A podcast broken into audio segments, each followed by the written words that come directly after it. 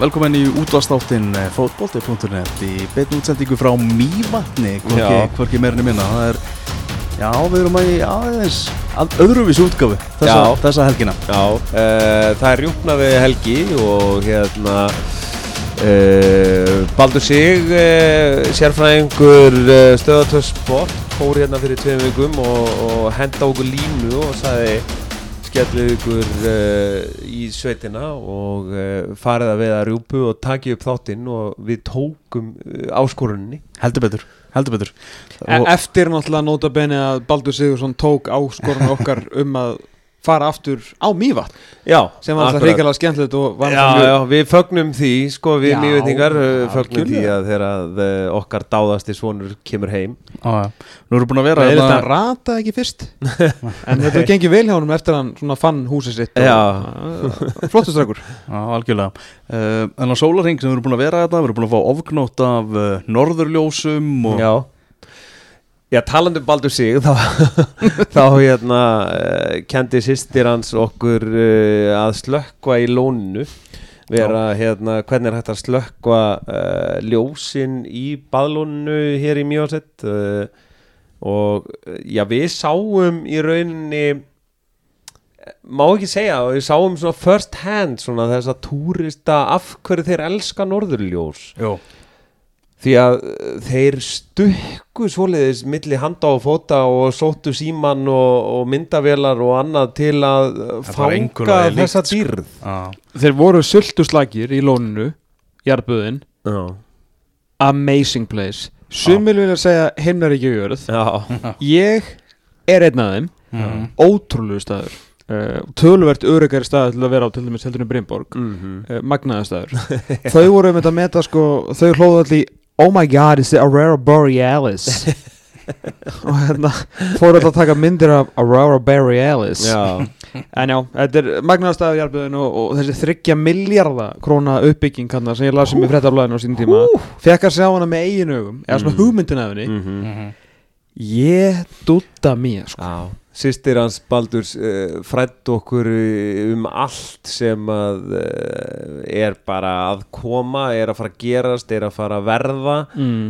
og uh, já, það likur við að útastátturum fótbolti.net bjóði þjóðinn í heimsók eftir skammastund já, ég held að við séum að fara að taka upp þátt þarna live sko. Já, Þetta er svo- nei, nei, nei.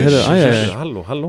Þetta er svo krútlegt þegar fólk er eitthvað að þetta var ekki ekki skælagún maður svona ha, fórst í sund nema Já. þú veist í kópói en síðan er náttúrulega í jarðböðin Já. Já, þessi þáttur er í bóði jarðbaðana Já, við náttúrulega erum bara gríðalegir aðdóndur Já. þetta væri svona 50. skipti sem við förum mhm. að, hérna, og þetta er alveg gott að vera Það er gott að vera Herru, í þessu þætti þá ætlum við að uh, einbæta okkur mestmægnis að heimsmeistaramótin í fótbolta sem að, Mhm. Eðlilega, það er í gangi já, það er í gangi og svo ætlum við eftir rétt aðeins að, fara yfir hérna fréttir vikunar og allt það en ætlum að byrja á leikjum dagsins mm. og uh, við vorum að horfa á England Bandaríkin á skalanum 1-10 benni. Já, hversu mikil vombriði var þessi Eh, leikur? þessi var uh, á skalanum football to soccer. Football to so uh, Þarna áttust við football uh, versus soccer og uh, þetta var solid átta í vonbreiðaskalanum sko því að uh, uh, við áttum nú uh, þetta samtal svona ekkit alls fyrir lungu um, um sko við þurfum að fá óspennandi leiki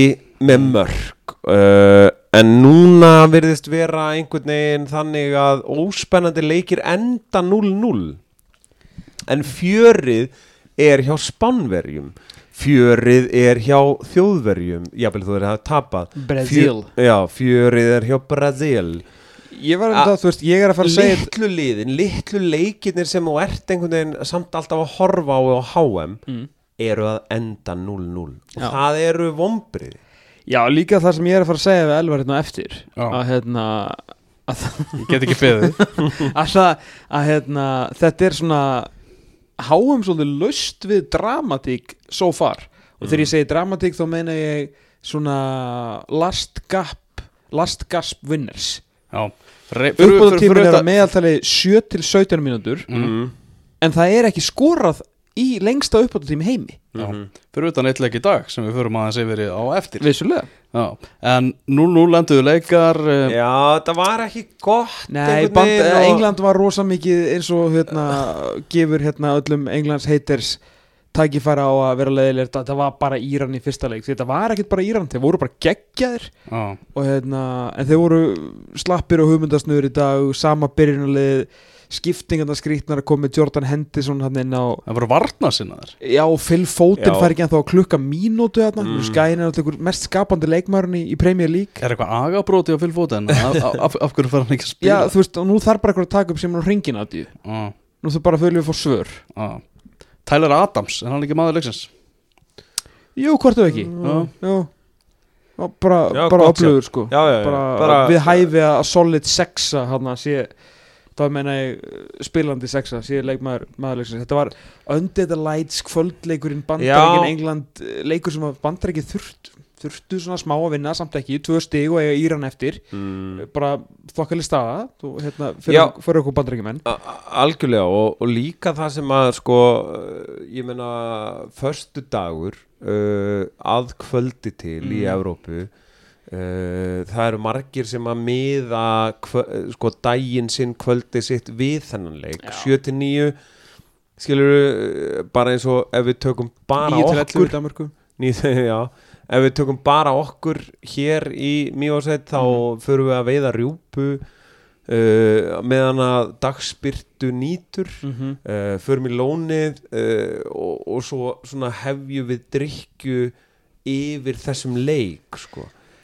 Hefjum undirbúning fyrir mat? Hefjum undirbúring fyrir mat? Það sem að dagurinn miðaðist við Já.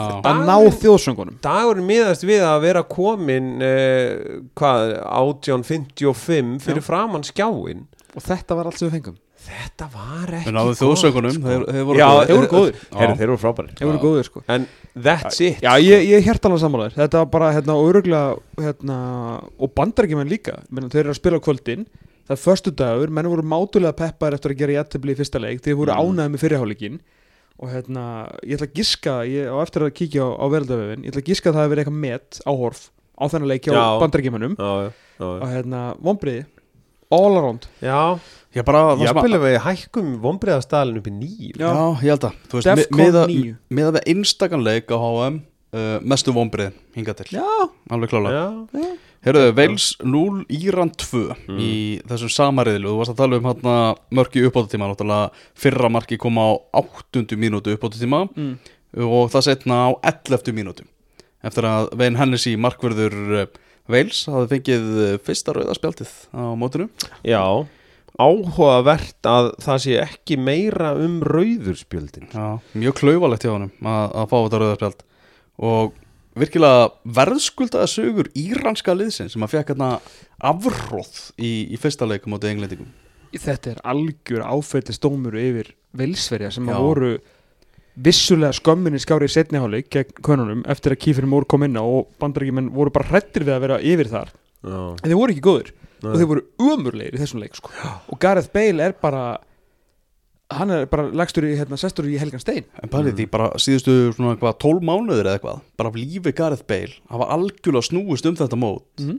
fer til hérna, í MLS vinnur MLS Cup með skorar hérna jöfnuna marki kemur mark. geðveitt mark og maður svona ok, hann er, hann er klár í þetta mót já, já. Heyrðu, hann er, ég veit að hann fiskaði vítið og hann Mhm. gerði það með að vera góður, þetta var ekki hefni þú veist, hann átti hraðabreitinguna sem bara, þetta var of mikið fyrir Walker Zimmerman þú veist, hann var það góður að ná þetta víti Já.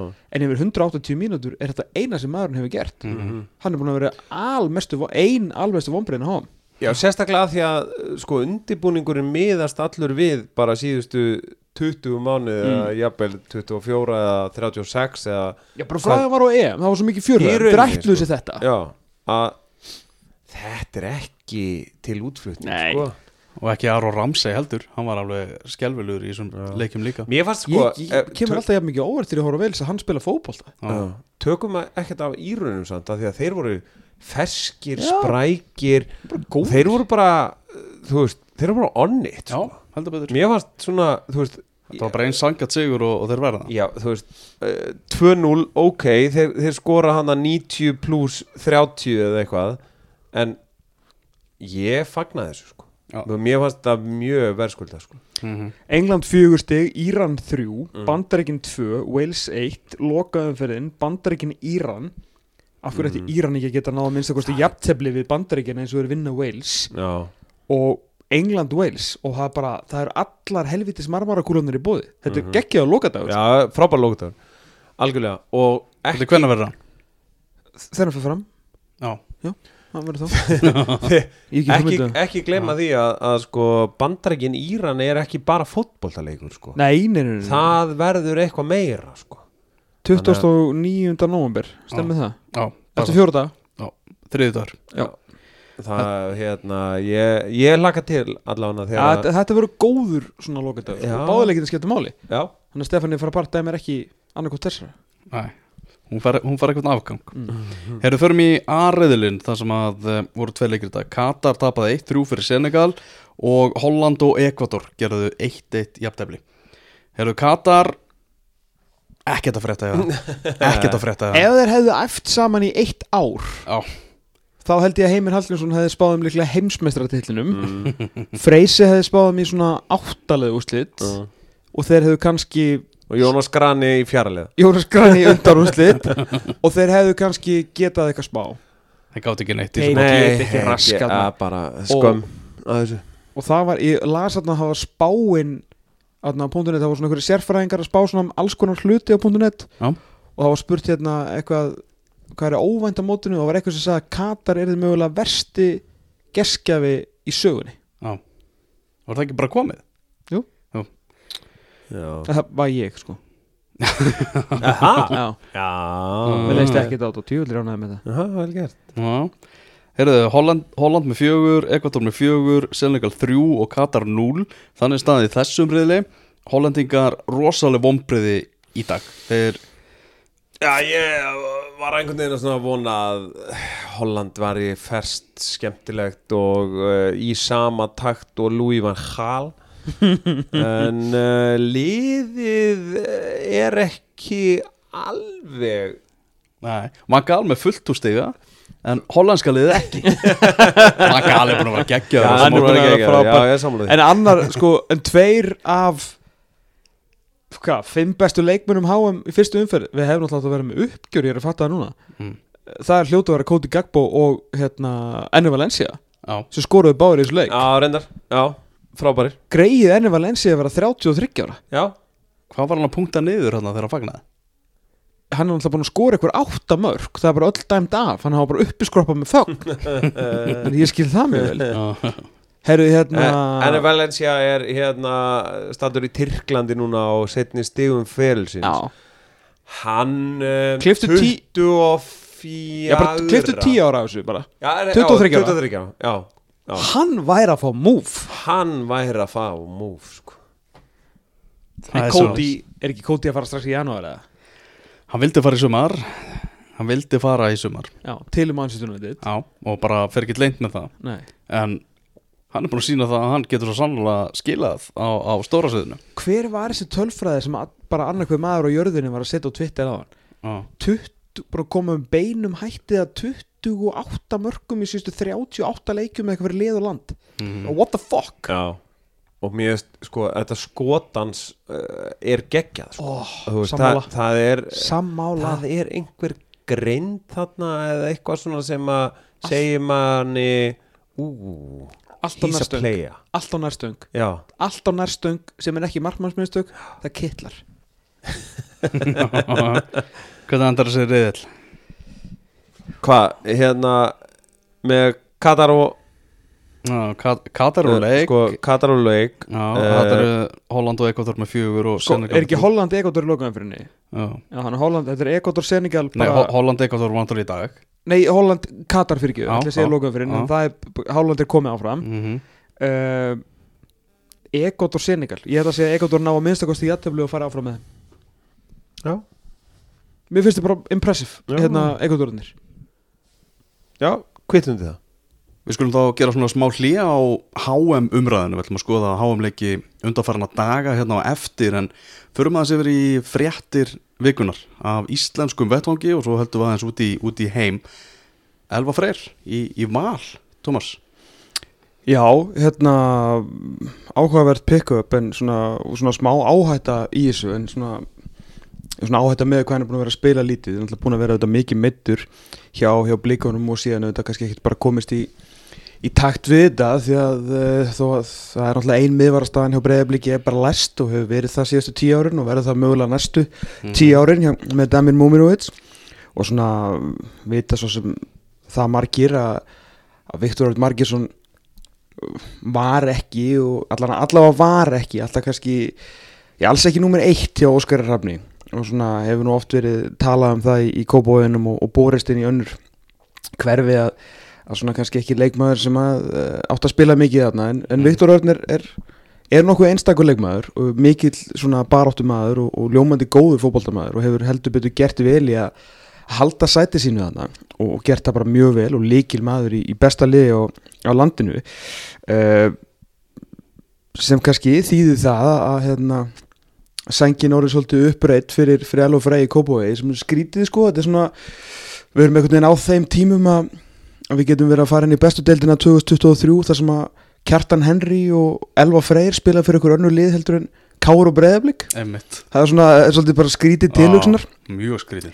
Uh, hérna, já, eins og segi, mjög áhugavert og er þetta nú heldur betur svona hvað segir maður, maður myndi á ennsku myndi maður segja svona formidable pair með hérna með Hólmar Örn og Elvar Frey þetta eru tveir þokkalegi skrokkar Mhm. og, og það sem að Hólmar er náttúrulega með þess að, þú veist, stöðulasta Svo er bara spurningi hver verður við hliðunum Við erum ekki glemma því að Orri Sigur Rómason er náttúrulega koma úr meðslum algjörlega, algjörlega og búin að gera nýjan samning líka og Mhm. hérna vantarlega ekki verið að gera nýjan samning til þess að fara aftur á varmannabekkin uh, og náttúrulega svolítið ólík já, jú, við erum alveg frekar ólíkir hérna leikmenn Elvar. Elvar og Orri erum báðir uh, fínir á boltan, Orri er náttúrulega mjög, mjög góður en það sem að Elvar Freyr hefur í þessu og, hérna, og ég veit að, að, hérna, að vikingarnir voru að, að skoða möguleikana að fá mm. Elvar eða svona, þú veist, allavega ég, ég veit ekki alveg hversu langt það fór en þetta var eitthvað, þú veist, það voru menn í teiminu hvort sem að það var Arnar eitthvað aðrir sem að þú veist, vildu fá hann sérstaklega þá til að fá karaktera og svona svona þetta svona, hvað var að segja, svona þetta dýrstlega eðli, ég veit ekki hvort það sé lótt að segja en svona eitthvað sem er kannski svolítið líkur kára. Eitthvað sem að geri bara allt til þess að vinna og Mhm. náttúrulega Setur hausin í allt. setur hausinn í allt og missir hausinn stundum skilur Já, og, svona að komi eitthvað, eitthvað annað og meira inn uh, og þetta er kannski líka það sem að mögulega sem Arna Gretarsson er að horfa til að fá hérna fá smá dýnamít inn í, inn í Mm. svolítið svona flatan hóp þannig með hvernig valsmennin voru allavega að spila mm. En Elvar, Elvar er náttúrulega búin að vera mikið frá Og svona, það setur ákveðu spurningamerki Svona við þessi kaup það er áhættufakturinn í þessu, Já. það er alveg klart mál uh, hérna en kannski það góða við fyrir, fyrir valsmenn er það að, að hérna, ef að hann er síðan bara meittur eða nær sér ekki í ganga þá hérna, eiga er það náttúrulega orra sigurð skilur, og, og náttúrulega mikinn mikinn fjársjóð til þess að finna sér einhvern annan. Þannig að ég veit ekki, þú veist að fá hann svona snemmar en að koma hann með stand peningandi skipta ekkit valsmenn. Öllu máli uh, þú veist, þeir eru hérna ég held að þetta sé engin, engin stór sala í raun og veru, sé að fá hann bara á, á ágætis prís með það sem maður hefur heyrt. Þannig að mér finnst það bara hvort sem það hefur verið vikingur eða valur sem hefur tekið sensin á honum, finnst mér þetta alveg, alveg þess virði, því að undirbúinistímbil er svo langt. Að ef þetta gengur ekki upp, jú, jú, ok kannski eitthvað, eitthvað smá fjáraslega tjón en uppsætið í Elvari Frey Helgarssoni ef hann kemur sér aftur í gang er náttúrulega rosalegt því hann var náttúrulega hér en al besti miðvörun í deildinni þegar hann var upp á sitt besta sko. Já, mann eftir því þegar hann fór í AEK Aþenu þegar náttúrulega hann var yfirmaður fótboltamála þar, Arnar Gretarsson þá sæ, sækir hann til Aþenu og Elva Freyr er nú ekkert maður sem vill eitthvað mikið eitthvað vera í sviðsljósinu Nei, nei. og var mjög fyndið þegar hann mætti og var hann aðra grúi af AEK Aþenu stuðningsmennu sem tók á mótornum á flugvellinum og það var furðulega upplifun held ég fyrir, fyrir Elvar. Já, hann er, hann er mjög sérstakur maður. Uh, hérna, og það þurfa ekki allir að vera eins til allir að lifandis lukku. Það var ekki saga af því að, að til að forðast viðtöl eftir einhvern leik þar sem hann var augljóslega maður leiksins eða eitthvað fyrir mörgum árum síðan sko í Kópaunum þá fór hann út um gluggan á klefanum bara til að losna við það að þurfa að mæta fjölmjölamönnum sko. ég maður að Gulli Gull segði mér líka einu sinni sögu að þeir átt að mæta þeir voru að fara að spila við fylki ég held ég, ég held ég sé 100% rétt sagði það sko, áttu að spila við fylki upp í Árbæ og þeir áttu að mæta í, hérna, á Kópavóksvöll í Teorist eitthvað, ég veit ekki, þremur tímum fyrir leik eða svo, svo áttu að vera sama þær í einn og hálfan eða eitthvað og svo leggja á staði leikin hvað sem er svo tveira hálfu fyrir leik eða þrjum tímum fyrir leik uh, Gulli er fyrir hérna, eða að keira saman, ég áttum ekki alveg ákvað hvort þið séu bara á miklubrautinni eða eitthvað og í staðin fyrir að fara til hæri þú veist, eða vantilega eru að keira stær í Kópói að þá tekur Elli einhver allt aðra beigju og, og keirir í átt frá smáranum sko. Mm. og Gulli skilur ekki alveg hvað er í gangi og hann fer sér bara í teorist svo bólar ekkert á Elvari Frey. Þá hafði hann miskilið skilabúðun og fór bara upp í Árbæ og satt þar bara einn í klefanum í ykkur, ykkur tvo tíma. Sko hann, hann hafði ekkert fyrir að koma aftur tilbaka Nei, þú veist hann bara satt í klefanum einstakum maður og, hérna, og afskaplega góðu fótboltamaður þegar hann er, þegar hann er onnit sko. Já, ef hann helst heill, ég meina þessi þrýhyrningur Elvar, Hólmar, Fredrik Skram Ertu að fara að setja boltan háan í tegin hérna? Já, ef þú vilt ekki ná honum. Já, ef þú vilt bara valur fá hann. Já, ef þú vilt að valið fá hann. Ef þú getur kannski tekið setni boltan Já, nokkulega Er annað aðra fréttir, tala um eina Karl í, Grindavík og Gauji Lýðs. Hann er sé að koma hann inn í Grindavíkuliði bara sem jarðýta innan sem utanvallar mm. hann er allavega vist að taka ófá símtölinn og, og hann er bara eiginlega komin eitthvað, getur við ekki sagt bara í meistarflokksráður nánast hjá, hjá Grindavík með það sem er að reyra Ég myndi eiginlega setja hann sem yfirmann knaspunmála og svo kemur meistaflóksræði þar fyrir neðan. Lýðs, yfir, spilandi yfirmaður fótboltamála. Spilandi yfirmann Nei, hann er hérna bara alveg á fullu í símanum og verður náttúrulega aldrei tekið af Guðunni Petur Lísinni að hann er, hann er maður verka. Hann ætlar ekki að vera í ykkur hérna, miðjum og grindavíku eins og þetta lengjudeldar stórveldi skulum við kalla það á þeir eiga náttúrulega alltaf að vera eitt allstærsta liði lengjudeldinni búin að vera algjör hörmung síðustu ár mm og ekki verið nálætt í að fara upp um deild. Bara vonbreið átti vonbreiði komni núna með mann sem er með, með meira prófi því að koma hérna liði upp uh, í brunna í Helga Sigurssoni og Guður Betur Lýðsson hann ætlar að já hann allan að gera sitt til þess að, gera liðið það gott að það fari upp um deild sko. Og hérna og eina Karl ef að, ef að rétt reynist að hann endi í, í Grindavík þá þetta er alltaf alveg ljómandi pick-up. Svona akkurat gæði sem getur tekið yfir deildina bara svona með knaspunni hæfileikum sínum og, og sendika getu. Já, taldi Gauji Lýðs að hann þyrfti að fá samkjarni með að við það að hann vil fá eina Karl í, Alltaf ekki treyst á að að Einar Karl verði í sexun Ég hef ekki ennþá heyrt hérna Gauja taka sérst, vita á símdæla í ykkur svona sem spilar í hólunni Nei, Hann, hann ringir í allar aðra stöður. Já, nokkulega Þannig að Patrik Jóhannesson Já. Hann er mættur, fekk ósk sína uppfylta Já, loksins. Já, sagði það bara ég vil fara í breyðablík og hann fór í breyðablík eh, fyrir einhverjar jætluðu miljónir mm.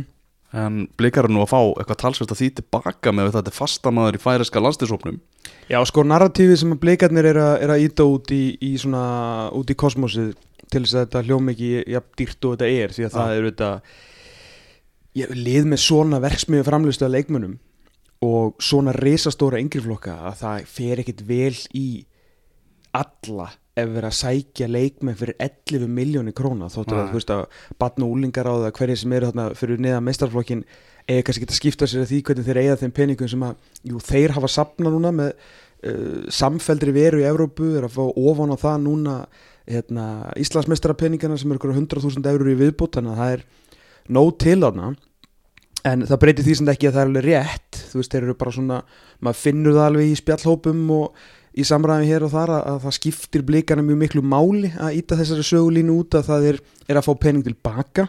Og saga núna er þú veist að þeir sé að borga eða sko líka sko Keflavík er sagt hérna, ég heyrði það úr, úr hérna, söðunesunum að þeir hafi sett auka vermið á hann.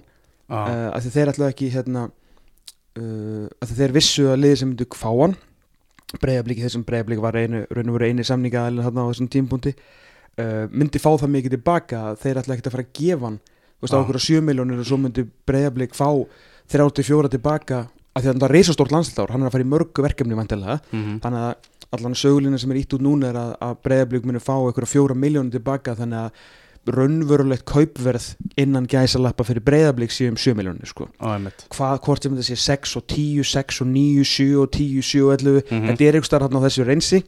Um, en hann er jú, de facto dýrasti leikmaður langdýrasti leikmaður Íslandsögunar uh, alltaf milli, milli liða, milli íslenska liða. Mhm. og það bara er engin nálægt held ég. Ah, bara ekki nálægt. Uh, en það breytir því ekki að svona endalegt kaupverð ef að hann spila sér allan þessa landslíki verður, verður tildulega svona ef að segja eðlilegt. Já. Patrik, þetta er one season wonder sko. 11 miljónir fyrir 27 ára gamla leikmann sem við spilað eitt season í Íslandi. Mm þetta er náttúrulega út í hött en einn fyrsti leikur sem hann spilaði fyrir Keflæk var á móti leiknu ég manni talaði við þarna á síðasta vetur og ég talaði með Sigga Höskulds eftir leikin og það fyrsta sem hann sagði var bara herru þessi færi einhverju fáránlega góður. Já, ég bara fyrstu tvo leikina sem ég sá með honum síðasta vor ég bara, herri, það er eitthvað þarna. Og það þarf uh, hérna, ég vissi ekki hann er þið virkjaður til svona góðra nota í, í þessu keflaugulið en allt kútos á, á sigga og, og þetta lið fyrir að að, hérna, að nýta hann svona vel því hann auðvitað svo sem lágu aðeins tilbaka og voru fljótir fram, náttúrulega vildu breyka mikið og hann er rosalega hraður sko. Já. og áður en að stangja breytir fyrirsögni í þessu að þetta sé út í hött þá er ég meina út í hött að hérna, þú veist svona á góðan máta skilur þú veist, Mm. þetta, þetta er furðulegt en mjög skemmtilegt Já. að svona sé til og líka bara það að markaðurinn sé svona á Íslandi að Keflavík fái segjum bara, notum bara 11 miljónir notum bara, þú veist, sem eitthvað viðmið uh, Breiðablík, nei Keflavík ásæki þarf að fylla í ykkur sko 15 stöður, það er ekki svona vist að þeir geti bara mannað 11 bara lið með sko það sem þeir eru að missa. Einmitt. þannig að þeir geti ekki hérna, sindri fór, fór ekki sindri frítt ef hann ekki samlingslaus Jú. þannig að þú veist ekki fáið neitt þar uh, og aðri leikmennir sömulegis er að eh, hérna, fengur náttúrulega vænta leika fyrir Rúnar til Östra, var hann samlingslaus líka? Fengur hann frítt, var Östra að kaupa hann Ég held að það er að geta hann já, ok, ok, þannig að, að. Íslensk lið geti hjálpa til við að, styrkja satt, svona, hjálpa keflaði við að styrkja hópin sinna aftur með að kaupa leikmann og svona penning, þetta er bara nákvæmlega sem við viljum sjá. Já, algjörlega. Og ég menna breyðablík líka þurfti leikmann sóknarlega eftir að náttúrulega Ísak seldu til, til Norex og breyðablík ætlar að stefnir á það að, og, og ásett draumum það að fara í riðlakjarni sambandstildarinnar Já, og þurfa bara stærri hóp ef, ef þeir vilja, hérna, ef Óskar vil leiða sér þann drauma að líkjast Arnari Gunnlausin eitthvað og vinna uh, tvöfalt Einmitt. og ná okkur um árangur í Európu þá er þetta hansi margi leikir. Mm -hmm. og hérna, það er ekkit allir eins og Júli Max sem að spila alla leiki, sko. Það er svo nokkuð stórt sæn hjá Magga, hjá López í Mósesbænum Já, Ásker Martinsson í, í lengjudeldina náttúrulega gríðarlegir hæfileikar sem, að, sem að þar eru ég, ekki spurning og líka bara það verður svolítið frólægt að sjá hérna afturhalding á næsta ári því að ég heyrði það fyrir einhverjum vikum síðan að, menn voru afskaplega ánæðir með svona sérstaklega setni hluta tífambilsins hjá, hjá afturhaldingu, það eru frá og það er eins með Mosulsbæ og, og önnur önnur svona, hvað var að segja ég veit, ný hverfi svona hverfi sem að, sem að yng- ungt fólk sem að kannski reyna að sleppa við niðin úr, úr stórborginni og vil kaupa sér stórar eignir og ala upp fjölskyldu og góðum stað. Þetta á við, þú veist, eins og fósórum var lengi hérna, mikið, það var erfitt að sapna peningum í raun og veru því að það voru bara káringar og valsmenn og framara sem voru að kaupa sér eignir þarna. Og það er náttúrulega mikið af fólki núna í Mosulbæ ungu fólki vel stæðu sem að hérna, svona ungu hjá segi, svona þú veist 35 til 55, segjum við alveg, eða svona 45 mm -hmm. Sem heldur kannski með einhverjum öðrum liðum en svo eru börni komin hérna inn og, og hérna, líka svolítið í háká ég menna mikið verið talað um þessa nýju stjórn hákámanna, hvað eru svona margir öflugir kallar og konur hérna inni e, þannig ég heyrði fyrir ekki margt löngu síðan að þarna væru væru nokkur alveg bólabítar mættir þarna á baku þetta afturhaldingarlið og það ætti að gera eina tilraun á því að fara upp Já. bara það ætti að taka bara all or nothing að að setja eitthvað lið undir Lópezinn gera hún það klift að setja takmarki á að fara upp, glemum því ekki er náttúrulega bara eitt sem fyrir upp og svo fjöralega umspil þannig að Já. það þarf geti til. gefið, gefið þér bara möguleika því að fara upp nákvæmlega og þar síðan hafa bara hvað, þrjá góða leiki að hausti til til þess að reyna að koma þér upp mm. og hérna og ég er svona ok, gaman að heyra þetta og svo hitti ég mann um daginn sem að hérna er hérna einn af þessum sem er á bakvið þetta og við rættum þetta svo, svo sem ekkit sérstaklega en ég veit núna hver þetta er og hvað hann svona stendur fyrir og hvað hann, hvaða aðgang hann hefur á fjármunum og þá var ég svona aaa ah. ok, þetta er Mm. kannski ekki svo mikið bull sem ég var að heyra með að þeir alla setja stefnuna og núna konum við leikmann úr uh, leikmann sem getur að spila í þessu deild Mhm. í afturlendingalið, þannig að flott hjá, flott hjá afturlendingu mm. Hákáðingar eins og vel, þeir þurfa alveg sárlega að styrkja sig fyrir næsta tímabil Já. þeir eru, já, á pappirnum í dag ekki með sterkara lið heldur en fór niður hjá þeim síðast þegar voru uppi. Nei. Þannig að þarna, ég, þeir þurfa að leita út fyrir landstilana ég held að það sé alveg klárt mál. Já, líka sko það er náttúrulega erfitt fyrir liðin hann í neðri hlutanum að- að að fóta sig eitthvað á félagaskiptamarkanum bæði við fyrir eitthvað rólegum félagaskiptamarkaði. Já, hann er svolítið farin að sko félagskiptamarkaðurinn er ekki jafn mikil sprengja og hann var hann er svona tegist yfir lengra tímabil. Algjörlega, ekki spurning. Sem að hjálpar aftur liðunum í neðri hlutanum ekki neitt því að Nei. það sem að hefur ekkit breyst í raun og veru er að er að, hérna, að botfiskarnir borða síðast veist, það er bara þannig. Þegar, þegar að þannig er þetta allstaðar. þannig er þetta bara allstað Já. þegar að liðin svo, núna sjáum við Patrik Jóhannesson er mættur í, í breyðablík hvað gerist með hérna verður Pétur Theodor kannski ekki klár? Þetta er bara, bara dæmi að þá er möguleiki til dæmis fyrir HK neð, veist, eða, eða segjum að Pétur Theodor verði klár og þá kannski ætla breyðablík ekki að nota Stefán Inga og þá getur HK fengið hann, kannski færi hann ekkit fyrir hann í mars Einmitt. og saman með hérna saman með Keflavík og, og fram og þessi lið sem er hérna í, í neðri hlutunum að þau þú svolítið alltaf þetta er breyta sem að breytist ekki í íslenskum fótbolta að markaðurinn stækkar fyrir minni liðin eða liðin sem enduðu neðar í töflunni bara þegar hann er dreifum móti mm -hmm. Erðu Infantino það verður fundur í desember hjá um, stjórn knarsbyndusambandsins mm. svona reglubundin fundur og það er alltaf þau að ræða eins já bara stuðning sinn til Infantino því að Danir eru, við erum nú vanir því við Íslendingar, ekki bara í fótboltapólitík, heldur bara í pólitík yfir höfuð Mm. að horfa svolítið á Dani og elta þá á og Danir hafa líst yfir að Infantino sé ekki með þeirra stuðning fósetti FIFA Já, eru þeir samt ekki bara algjörlega einir eins og staðin núna? Ég veit það ekki, fyrirsögni og gumma var eitthvað að Danir er eitt af þeim eina af þeim þjóðum sem að lýsir ekki yfir stuðningi Já, því svo sá ég eitthvað bara að þú hann væri með stuðning bara einhverja 200 ríkja eitthvað, þetta var bara einhverja algjör þvæla. Já, gleymið því ekki að Sepp Blatter skilur hann, það var komið upp um það að hann væri bullandi spilling Mm. en hann fekk endurkjör hjá Já, FIFA. já. Veist, málið er bara það ef að þú ert sáttur og ert að fá það sem þú vilt þá er það drullu saman með allt annað. Jú, það er bara þannig. Þannig er það er bara nákvæmlega þannig sem þetta virkar og núna er mitt þegar að e, málið svona spillingamálin hafa, eða svona, jú, spillingamálin hafa verið í, í svakalegum brennidepli í kringum heimsmeistarkeppnina og eh, með hérna, verkamennina og allt það sem er búið að vera í gangi búið að varpa ljósi og allt það sem við höfum vitað núna síðasta áratugin enn og aftur og heil sko, heimildamind um þetta allt sem hann gerði á, á Netflix sem að nokkur hundru miljónir manna hafa aðgangað mm -hmm. og fréttir skrifaður upp úr þessu þá er ekki eins og neitt einasti maður nýja kona sem að reynir að fara upp á Nei, hann er bara að fá rústnænska kostningu því að það er ekki, það er ekki svona frambóð á wow. Kemur fram með þessu fjóra þjóðir Þískaland og Danmörk þar á meðal. Nú ok, þýsk, það er stórt. Þjóðir er nú búin að vera mikið að bögast já, ok, það, það er endar, það er endar hjút svo verður mjög áhugavert að sjá hvað hérna En svo náttúrulega gengur pólitíkin þannig út hjá FIFA að það er bara hvert og eitt aðaldaland en með eitt atkvæði þannig að fyrir Infantino þá skiptir atkvæði Þískaland sem er einn merkasta fótbolta þjóð sem uppi hefur verið. Já, einn stærsta þjóð heims. Já, já, jafn mikið og bara þú veist atkvæði Kómoreja nákvæmlega. Þú veist, ef að Kómorejar kjósa Infantino mm.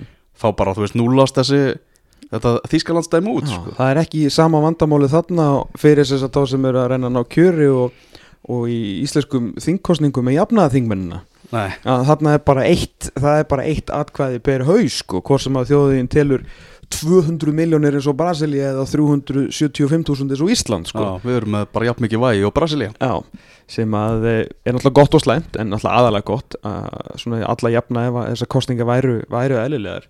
Það verður, fróld að sjá. Líka þú veist, þú veist, það er alltaf lægi að taka stansa á mótunum en það er ekki eins og að geti refsað okkur. Veist, regluverki FIFA er nokkuð innrammað. Fótboltaleikirnir fara fram þegar þeir fara fram og, og hérna, ég held að Infantino myndi ekkit nenn að vera að senda einhverja dómara hérna, til þess að eðilegja fyrir okkur leikinn sko. ég held að hún væri alveg drullu sama þó Ísland myndi eh, taka stans á mótunum Ég held að það myndi, myndum freka bara græða því.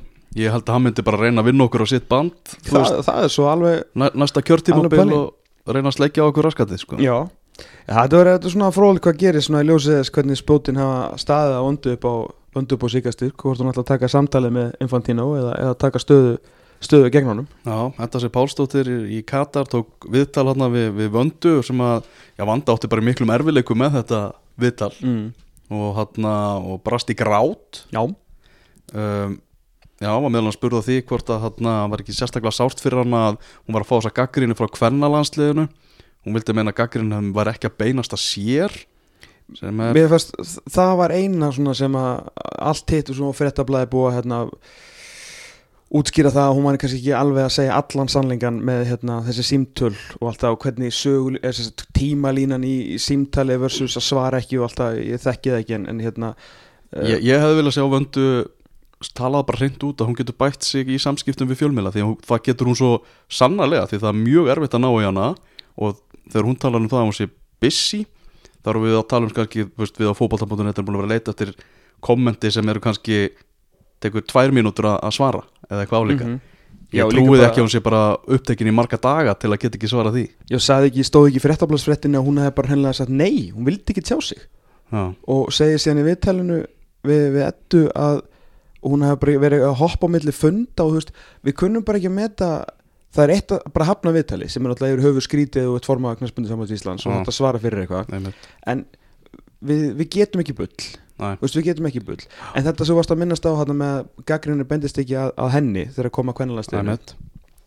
það var eina sem að sló mig aðeins því að nú hérna varði uppi fótur og f- fit þarna þegar að, að þetta fór allt í hámæli með að, að var ekki verið að þakka neinum og svona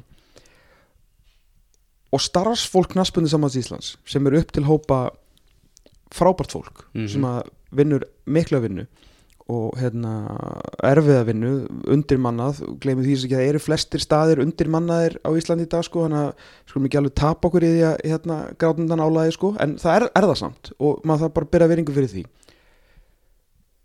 Það hefur enginn finnst mér og sérstaklega ekki allan ekki við. Við getum bara að tala fyrir okkur tvo í allan þessum þætti og okkar podcastum. Og mér veist ekki heldur neinn, í neinum öðrum á neinum vettvangi verða að gaggrina þetta starfsfólk að því að svo komið sér pósturinn að fá þorgrið með þráin sinni og þú veist starfsfólk káis í svona einhverjir vinir og vanda með þeirra. Alveg svakalega hérna, hvað var að segja, eitthvað svektur og kvektir með það að það væri verið að ráðast að starfsfólki KSI sem að væri bara að reyna að vinna vinnu sína. Það hefur bara ekki nokkur einasti maður gert það. Ég held að bara allir eins og við sem hefur verið svona mikið e, í kringum þetta landslið vitu hvað þetta fólk leggur á sig Einmitt. og þetta er almennt það besta við knaspunni saman Íslands Mhm. allt frá sko möggunir og búningalagir og upp í Ómar á samskiptadeldinni og allt þar á milli, hvað sem Mhm. hann heitir sko Birkir, Kitty, Siggi Dúlla eða hver sko, þetta er Mhm. allt saman topp fólk sem alltaf hérna gert allt sem það getur fyrir okkur en þannig er sko vandað Sigursdóttir, hvort sem hún ætla sér að gera það ekki auðvitað í einhverju smá uppnámi í þessu viðtali og bara allt í góða með það Herrið, hún er að segja að þetta er ekki gaggrinn á mig heldur starfsfólkið mitt eina gaggrinn á starfsfólkið er að koma þarna frá vöndu Sigursdóttir sko, Mhm. og eru áttaðu því Einmitt. hún er að henda svolítið fólkinu sínu undir rútuna þegar engin annar hefur verið að gera það þannig að Mhm. það var svona eina, hún ætlaði potið ekki að gera ég, ég átta mig alveg á því þetta er kannski bara illa orðað en, en hérna, það verður að loka á þessu umræðu það sé að vera gaggrina starfsfólk KSI því að enn og aftur það besta við KSI er, þú veist, fólkið á milli, skilur, auðvist, undir yfirstjórninni, sko. á nákvæmlega, afskaplega hæft fólk og, og gott fólk. Gott fólk. Já, einmitt. Heyrðu þið, hann Jadon Sancho að æfa með Guy Smith. Það var svona einn óvantasta frétt uh, vikunar Já. Guy Smith sem að uh, já, var, misti sætið sitt í, í valsliðinu þegar Fredrik Skram var, var sóttur. Hann er núna að æfa í, í Hollandi er á sölulista. Spurning hvort að keppflyggingar er penning til, til að reyna að fá hann í, í marki á sér Guy Smith er afskaplega góður markmaður Það fyrir eftir uh, hvernig spyrir, sko. Já, sko, hann er búin að fá sko, Hannes Þór Halldórsson er stórkostlegu markmaður Mm. og þarna Fredrik Skram frábær markmaður Mm. Guy Smith er einnig frábær markmaður Mm. ég myndi alltaf hafa með Fredrik Skram sem aðalmarkmann ef ég veri þjálfari vals Mhm. alveg klálega en á hinn bógin þá er Guy Smith búin að fá alveg afskaplega svona ósangjarna gaggrinni Ég meina hann var næst hæstur tímbili sem spilaði með leikni var hann næst hæstur í XGA á eftir þess að komið veg fyrir mörg á eftir Sinta Kristinn Já, og hann vissulega var ekki upp á sitt besta hann með valsliðinu, svolítið mittur líka. Hérna og skilja, maður skilur alveg að en, Fredrik en, Skamil sko, búið. skoða tölfræðina þegar hann var, að spila með val þetta var eitt besti markmaður deildarinnar Já, og þess þá heldur þú ennþá betri þegar hann var að spila með leikni. Það mitt og ef þú skoða bara hérna tölfræðina og tölur og veist svona auðvitað kannski, þú veist, fótbolta markverir hérna, kannski eins og staða sem að tölfræði getur klálega bleikt, af því að hann alltaf þarf að hérna, hafa kannski meira vald á tegnum sínum og hann er ekki sterkastur í útlöfum og, og þvíum líkt, Já. en þegar kemur að því að verja fótboltaskot Það er mitt aftur benda bara á mjög einfalda tölfræði að þá hefur hann staðið sig mæta vel hér á Íslandi, þekkir sviðið uh, hérna þannig að ég held að liði í efstu deildi sem vantar markur getur gert margt vittlisara heldur en að fá ekki smitt í marki sko, ef að hann er laus. Ég meina þrátt fyrir að Fredrik Skram og Hannes séu betri markmenn heldur en hann mm. það segir það ekki að hann sé umulugu markmaður. Nei, nei, því að hann er það svo sannarlega ekki. Nei, nei, alls ekki. Og hann og bara geti gert frábæra hluti með, með keflaeg og, og fleiri liðum í sér deilt, það er alveg klart mál. En hann hann já, já, gís mitt svona ágætis ú- félagi minn og Útskýri nú fyrir fólkinu hvað hann er að gera þarna og af hverju hann, hann er að æfa með Jadon Sancho. Já, hann er bara stattur í, í Hollandi og hann er náttúrulega gamma, gammalt svona þjálfari sem að hann, hann þekkir sem að hann var að vinna með þegar hann var að spila í Hollandi sem að hafði samband við hann og uh, sá þjálfari þekkir Erik Den Haag og Erik Den Haag sagði Jadon Sancho að fara til Hollands og æfa hjá þessum þjálfara og þá þurfti náttúrulega markmann til að Jadon Sancho geti skotið á einhvern. Og þetta var bara bingo í sal að Gís Smith bara fekk símtalið. Og spurt hvort að hann er að fara að æfa líka með, með honum hérna núna í komandi viku. Mm. og talaði nú með Gís Smith og hann sagði að það var í gæði í, í löppinni hjá, hjá Jadon Sancho. Það var alveg kosið að hann nýti ekki þessi geði í Premier League. Og gaman að sjá þessi vídeo af þessu það sem að hérna búið að fréttast út hérna í, í, í, í næru umhverfinu að, Jadon Sancho sé að æfa á þessum velli. Allt morandi af hollenskum krökkum hérna við grindverkið að, að fylgjast með Jadon Sancho vera, vera að æfa sig. Sko það var e- eina myndbandi sem ég búið, búin að sjá var þegar Jadon Sancho verður hérna eitthvað að rekja boltan og fer mjög auðvitað fram hjá ykkur í keilu. Mm. gríðarlega ósannfærandi. Það var eins og hann væri að fara til Hollands bara því að Erik Ten Hag bað hann um að fara til Hollands. Já. því að ég hef ekki ennþá séð eða fyrir ekki, nú hef ég séð það ég hef aldrei áður séð mann æfa í úlpu. Nei, það er frá kólna á meginlandi Európu Já, það eru til alls konar svona þörm og innan undir flíkur og þú getur gert þetta almennilega en þeir eru þannig að æfa í úlpu. Það er svona svolítið eins og þú veist, spila badminton í gallabuxum sko. Þetta, þetta meikar ekkert senn sko. Nei. Hefur fyrir maður svo Old Trafford United til sölu.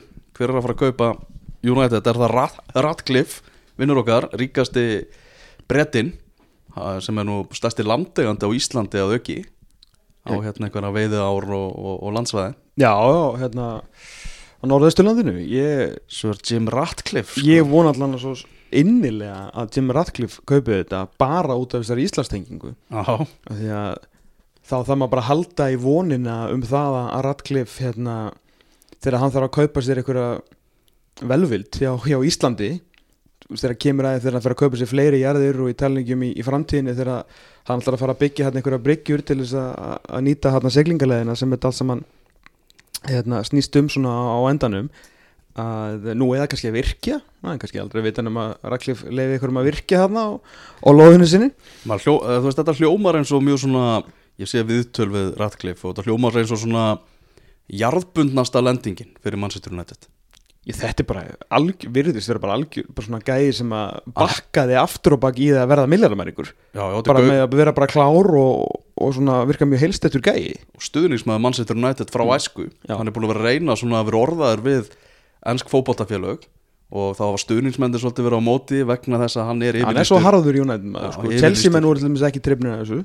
Nei, en minna, þú veist það er alltaf líkur á því að hann seti hérna upp einhvern leik United Liverpool, einhvern æfingarleik á, á nýja lögutarsvellinum hvernig varst þessi?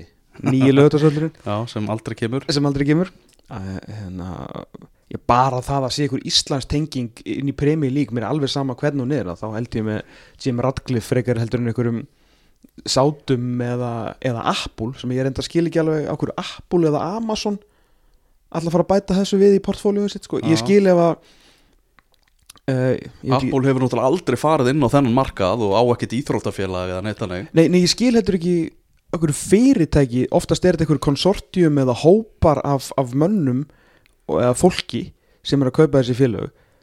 Uh, og eða eitthvað svona skiluru já, einhvers konar félög en ekki fyrirtæki. Ah, þú veist, ég skil ef að Jeff Bezos kaupir Manchester United fyrir miljarna sína hann sem slíkur en ég næ ekki konseptinu að Amazon kaupi Manchester United Já, það er náttúrulega einstakt og Manchester United verður póttið ríkasta félag í, eh, nei hérna dýrasta félag segi ég, í, í sögunni mm.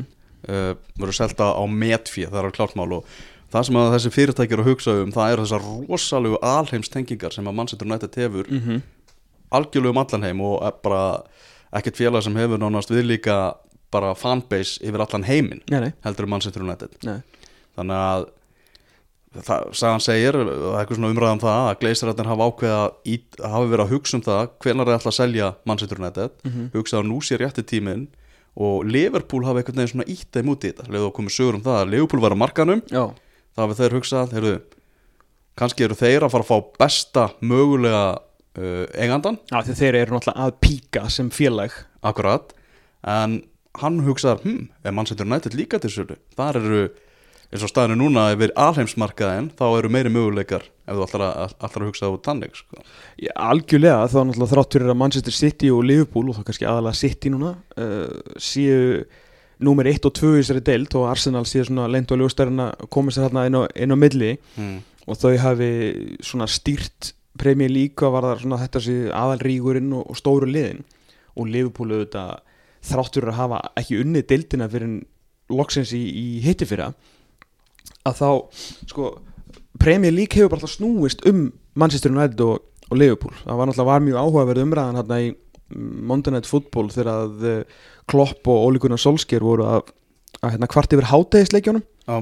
að þá kom hérna voru Gary Neville og Jamie Carragher með mjög áhugaverða svona greiningu á þessu uh, sko hátegisleikjum í gegnum tíðina. Og þá hefðu engin lið spilað fleiri hátegisleiki og sérstaklega í kringum aldamótin þegar þessi innreið til Asíu hófst að þá voru svo á þenn tíma náttúrulega United búið að vinna Premier League 5-6 sinnum eða eitthvað svo leiðis 5-6-7 sinnum uh, og er náttúrulega klálega stærsta liði í Premier League og, og Liverpool hafi aldrei verið nálagt englandsmeistaratillinum en samt voru þeir dregnir inn í púljuna bara út af stærð félagsins frá 8. áratögnum þeir voru síðasta risafélagið á Einmitt. undan þannig að þau voru bara sett framfyrir skjöldu og sett í þessa Asíu tíma þannig að þau eiga náttúrulega og eru langstæstu liðin, ég menn það er alveg ástæða fyrir því að Gary Neville, eins og ég oft sagt áður og Jamie Carragher eru Monday Night Football sko, en Einmitt. ekki Alan Shearer var ekki keftur úr Matsuðu Deg veist, af því að Mhm. þetta eru liðin tvö Mhm. en af þessum liðum tveimur hvort sem að Liverpool mönnum líka það betur að vera hefur náttúrulega frá stopnun Premier League Manchester United verið andlit þessara deildar, þú veist, þeir eru 13 svona mestrar, þeir eiga Sir Alex Ferguson þeir eiga uh, David Beckham fattur, þeir hafa verið andliti og þess vegna er mjög eðlilegt að United sé stærra stærri markasvara þó svo að Liverpool sé margfalt betra fótboltafélag í dag. Já, miklu betra lið. Það er alveg klátt mál. Já, bara félag. Já, bara betur ekki félag. Miklu betur ekki félag sko. Þannig að Gleisar fjölskyldan er eitthvað svona að koma því inn í þessa stuðningsmannahópa Manchester United í Manchester Borg að það ætla ekki endilega að taka uh, stærsta tilbúðinu heldur rétta eigandan Já, og menn eru svona mismikið að trúa Já því. ég, ég kynnti mér Glazer Fega á sínum tíma. Já, uh, Pappin var náttúrulega algjör dólgur sko, ég veit ekkit hvort þessi strákar hans séu eitthvað, eitthvað svona heiðarleiri viðskiptamenn en uh, það er leitun að óheiðarleiri og svona illkvittnari viðskiptamanni eins og uh, Glazer gamli já. var. Það var, það var eitt svo allra vesti sko. Ég meina stuðningsmenn beggja félaga Liverpool og Manchester United óttast að sjálfsögðu að félagið endi í höndum já, einhvers ríkis sem, að, sem er bara þekkt fyrir mannréttindabrót Já en er eitthvað eftir? Já, Sáti Arabia á sitt lið já. eða náttúrulega kefti Newcastle. Mm uh, Katar á nú manni ég er hvernig hver, hver, Er ekki takt að kaupa bara fleiri leið? Jú, þú veist, þeir eru alveg bólmagnið Ég bara, þú veist, pælega hvort þeir munu gera það. Það er ekki skrítið, þú veist, Katar á PSG og hverjir hérna Etihad eru saminu arabísku fyrstadæminu ekki? Já, sem sagt eiga Manchester City. Já, Abu Dhabi. Abu Dhabi, hérna, að þannig að ÖAE á, á það, Katar á, á PSG ef þú Katar samt vantar vantar gæðs að lappa liði í premi líka ekki? Mm þannig séð. Mm. En ég hugsa sko eftir þetta HM sem er núna er í gangi. Þú veist, þetta hefur allt snúist um það að þeir séu að fara að halda HM hversu mikill fótboltametnaður verður hjá Katar núna þegar mótið er búið? Það er bara stóra spurningin því að meina, þetta, þetta heimsmeistaramót snýst að stærstu leiti fyrir Katar um, um hérna, að sína fólki landið. Og hérna já að því að þeir náttúrulega vita að ólíjan, Þvotturinn að ólíjan verður upp urinu á einhverjum tímubúndi og þá og er líka og gasið þannig að næsta, stóri, næsta stóra tekjulinn þeirra á að vera ferðmanniðinnaðurinn þess vegna Mm. er uppnað að vera byggja landi svakalega upp með öllum þessum innviðum og svo þessum ruggluðu mollum og inni skíðarsvæðunum og öllu þessu bulli En samt sem áður þá eru þeir svona hálf hikandi með þetta eins og við sjáum bara með HM núna að fara ekki allarleið með þetta og selja bjóra á völlunum og auglýsa þetta betur sem túristaland sem sko. er svolítið, svolítið skrítið því að þetta náttúrulega að fá mótið áttu náttúrulega að auglýsa landið og sína hvað þetta væri aðeinslegt land og svona aðeins að, að líta framhjá þessu mærrendabótum eins og þessi íþrótta hvítþóttur hvítþóttur er. Þannig að já, hvað svona þeir virka rosa peppaðir í öllum viðtölum þeir eru mæta hann hvað er heita fótboltamálar á þeirarnir og þessi gæjar mæta í viðtöl hér og þar og þeir eru alveg að kapna úr spenningi og fer þetta ekki bara aðra hvort leðina gefast þeir ekki bara upp, skilur eru búnir með að taka hann áratug í þetta? Mhm. eða tvöfalda bara, kaupa bara fleiri lið verða ennþá peppaðri skiljanlegt að þessi ótti sé til staðar því að það er svona stuðnismenn þessara liða veist, og eins og Leifupúl búin að vera mikið að gaggrina mannsætti City hvernig, hvernig það félag er mm. og það er náttúrulega martröð fyrir marga að þeirra félag fyrir sömu leið sko. meðan aðrir eru bara sattir og að, eru bara sæli með það? Já, já, rétt eins og fagnaðalættin hjá stuðnismennum Newcastle þegar að, að sátarnir keiftu þá líka þegar menn voru bara komin Já, með kublana að fagna þeim fyrir til utan St. James's Park. örlítillar varnar þar. Já, að, og það er stór það, stór, það er munur að vera keiftur á Katar að Saudi-Arabíu, já, skilur veist, þetta er annar landi er ekki gott og hitt en alltaf bara eitt af vestar sem til er. Uh, Newcastle stuðnismönnum til eilítla varnar það voru að losna við Mike Astley Já. Veist, og búin að vera svolítið svona jó-jó upp og niður og, og ég segi bara aftur þið voru að losna við Mike Astley og, og það er nummer 1 2 það var, það var svona ding-dong norninni döð sko. Ah. þetta er aðeins öðruvísi á Liverpool því að FSG hefur náttúrulega bara gert stórkostla hluti Já Fatturðu? þeir, veist, þeir bara verið meiri söknur á þeim heldur en eitthvað annað mm -hmm. þannig að það þarf að koma með einhver alvöru aðili þannig að það sem búið að gerast þarna síðust ár búin að ná United í, í, í peningahliðinni náttúrulega miklu betra fótboltafélag miklu betri stjórar sem núna búin að vera í sjö ár veist, Ég, ég treyst þér sko FSG svo miklu betur þetta en Glazer feðgum í að selja þetta mitt á skinsamannhátt það verð ekki að Já. bara, heru, þetta er sta- besta tilbúið, við tökum þessu sammála því, sammála því. samt eitthvað, einhver smá óróinni á Liverpool núna Julian Ward að hætta eftir tímumbilið Já. og búið að reka þarna data-analistan og eitthvað það er það er svona smá, smá, Smá- nýðusveifla já.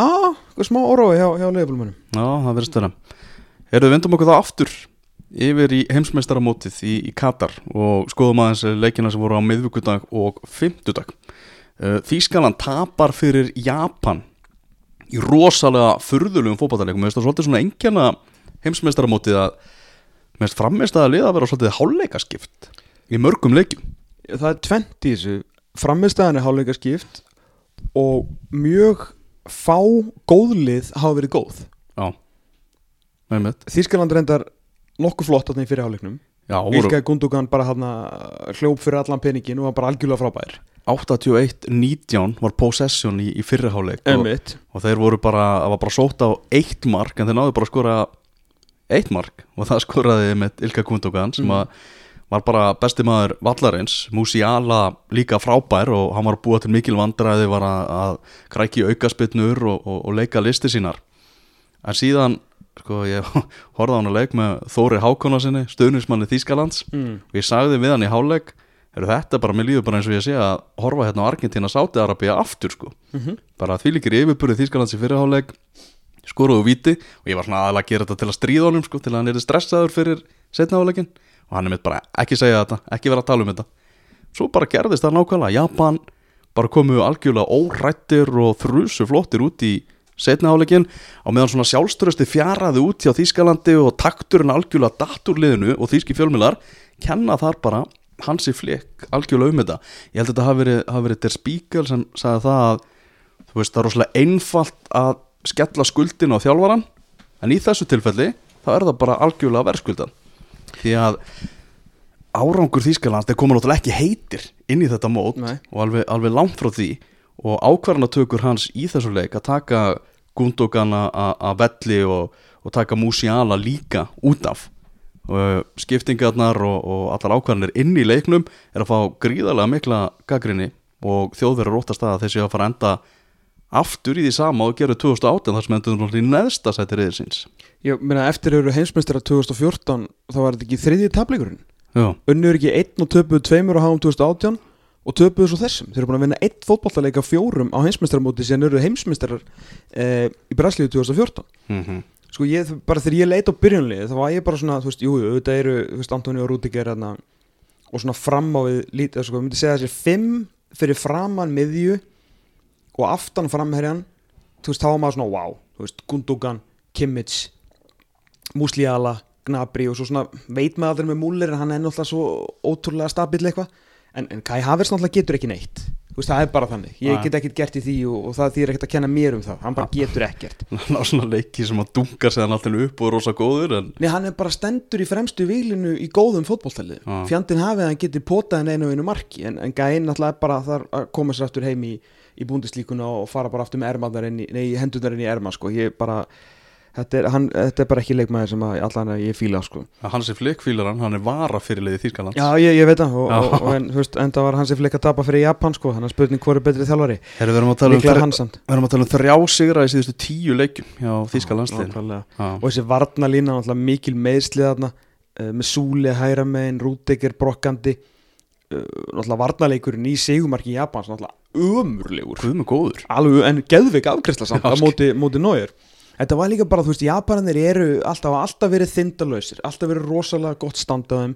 Uh, tala líka um núna á meðu tímbili svakalegu standi. Og svo er þetta líka alltaf þessi spurningum mörkbreyta leikjum og allt það því að gleymu því ekki að þjóðurinn fengu tvö döðafæri og þar meðal sko tvö í sömu á sömu sekundubrótunu sem að Shiuchi Gonda varði Emmett. og hérna augljóslega þetta farið allt öðruvísi þannig en ég meina til þess er maðurinn í markinu gerði þetta frábælega og, Japan áttu fyllilega skilið eitt ef ekki öll þrjú stígin Já. og ég er bara ágjörð þess að tíska lið nefnir spilið eins og fyrir 45 minnar í 90 Mhm. þú veist, þá voru þeir góðir en þeir gáttu ekkert í setna áleik sko. Og Japan ekki að skora fleiri mörg Þannig að Lothar Matthäus, hann, hann liggur ekki á sínum skoðunum og, og segir oft hlutina sem að aðrið þor ekki að segja því að Þýska liðið fekk gríðarlega, gríðarlega trós fyrir svona, já, að reyna að vekja aðtikli á, á, á mannréttindabrotum í Katar og bara hvernig svona er verið að þakka niðrið þeim, heldur náttúrulega fyrir munnin í liðsmyndatökunni og Neuer hitaði upp með þetta One Love fyrirlega band mm -hmm. uh, var séðan með svona aðra útgafa af því ekki með regnbólitunum þegar að leikurum var flautaðar á og dómarinn náttúrulega skoðaði það sérstaklega. Og þýskaliðið fekk gríðarlega mikið hrós hérðan og þaðan fyrir, fyrir, þetta. En Lothar Matthäus sagði þetta var bara, þeir voru ekki með hausin á réttum stað, þeir voru með einbettinguna á þessu ekki að fótboltanum og, algjör djúvisis þvæla. Það, Lothar Matthäus er náttúrulega bara búin að vera lengi á, á spenunum hjá bíinn og hérna, mikill vinur Arabana. Ah, uh, þetta er bara svona old man take dauðans. Mm, að þeir, þú veist, þeir voru bara lélegir og gleymið því, voru þá líka með hugan við mannréttindabrotin í öllum hinum sex leikjónum af þeim nýju sem voru ekki búin að vinna komandinn í mótið það þetta er mesta old man take sem ég veit um. Þeir voru bara lélegir. um þjálfari gerði lélegar skiptingar. Þeir voru lélegir, Japanandi góðir. Það tengdist þessu bara nákvæmlega ekki neitt. Og ef Þískaland ætlar að vera land eins og þú varst að segja á hann sem stendur á móti Infantino Mhm. þá þarf liði líka þarf ekki en greinlega vill það. Þetta eru 11 sem gerir þetta, það voru ekki 3 eða 4 eða 5, það var allt liðir sem að hjælt fyrir munnin liðið vill hjálpa til við að standa hérna, með mannréttindum og tengdist framistuð þýska leysis í þessu leik náfamlega ekki raskat í bala. Já, en eins og segi, skrítið fótballtaleikur og þeir voru ekki lélegir í fyrraháleik og með réttu, hefðu geta verið bara var 3-0 það, var það mannréttindabrotin svona, og þeirra pæli var svona föttuður í setni áleik herri á þurfum aðeins að pæla meiri þeim og minni. Þetta er svo mikið bull maður, þetta er svo mikið old man take dreftu mig sko. En Tískaland er að fara að keppa á móti spánverjum á sunnudagskvöld klukkan 19 Það verður 3-0 spát rosalugur, rosalugur leikur. Ég held að vera ekkit rosalega leikur. Þetta spáði þetta pakkið eins saman Já. Hvað getur þú lesið mikið í þennan 7-0 sigur spánverja á móti þessu Kosta Ríka liði? Geggjaðir. Já, kostar ekki ömurlegir, ekki miskilum mig en þú vinnur ekki sjö, þetta er alveg eins og hérna var með, hérna, talað um England um daginn. Ég ætlum ekki að fara að bakka svo langt en bara því að hérna, England vann 6-2 og margir englendingar gátt ekki hérna, lift sér að njóta þess að þetta var bara Íran. Þú vann 6-2 á HM sko. Já. þú skor ekki 6 fótboltamörk á heimsmeistaramótinu í fótbolta og telur það bara eitthvað eðlilegt. Já. þetta var bara frábær framistæð á Englandi og ennþá betri hjá Spáni. Kosta Ríka er, er ágættis fótboltalið. Þeir spiluðu eins og ykkur trúðar í svo leik ég átta mig á því. Mér finnst bara svo að þú skrítið að fótboltalið gefist upp í leik og það líka á HM mm. Ég meina það er munur á því að tapa 3-4-0 eða tapa 7-0 ekki spurningi með þetta er bara einn mesta niðurlæðing í sögu heimsmeistaramótsins í fótbolta. Það er bara þannig. En það breytir því ekki að spánverðarnir voru geggjaðir. Þeir voru algjörlega geggjaðir. Og kannski kemur í ljós að hérna, að Japaninni voru bara frábærir og, og þjóðverðinir eiga meira inni og Kosta Ríka og svo lélega er þetta verður eitthvað leikur en ég, sko, ég, leikin eru mjög mismunandi sem þessi tvö lið er að spila en mér fannst bara stemningin gæðin, fótboltinn allt sem að spátt síndi mér þrátt fyrir að anstæðingur væri ekki betri en þetta svo margfald betra heldur það sem að Þískaland síndi mér sérstaklega í setniháleika Mhm. að ég, ég sé bara fram á þægilegan spanskan sigur sko. Kel- Spá liðið betra Keilo Nava, svona markmaðurinn sem að var að búast við að myndi halda Kosta Ríka á floti, hann varði ekki skot, nei. var, alveg hörmulugur í svona leik. Þarna, en, en eins og þessi, spánverðarnir frábærir og, og, og Gavi skora þetta stórkostlega mark. Og Gavi og Petri, náttúrulega, já, þessir, þessir endurfættu Savi og Iniesta. Já, samt með Busquets, hann vantar endurfætta Busquets. Já, það er, það er Rodri. Það er Rodri. Já, þegar hann fær að fara á miðjuna. Já, var náttúrulega á, í miðverði í þessum leik. Einmitt. Þarna, en það er svo gaman að fylgjast með þessum Gavi og Petri sem eru náttúrulega alveg stórkostlega hæfileikaríkir. Já, og svo eru þeir sko það er mikið brómans millið þeirra tveggja, þeir eru gríðarlega miklu vinir.